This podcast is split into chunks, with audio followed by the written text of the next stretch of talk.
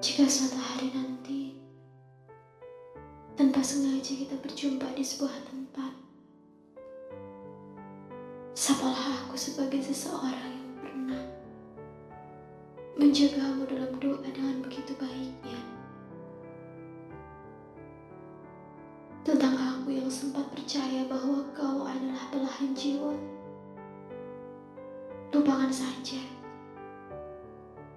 Aku tidak akan mengutuk apa pun dari perpisahan kita. Caramu tidak bersedia. Aku sudah memaafkannya. Bukan karena kesalahanmu kubenarkan.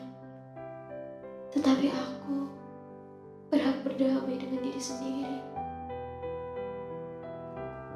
Belajar ikhlas untuk melepaskan sesuatu yang menyakiti.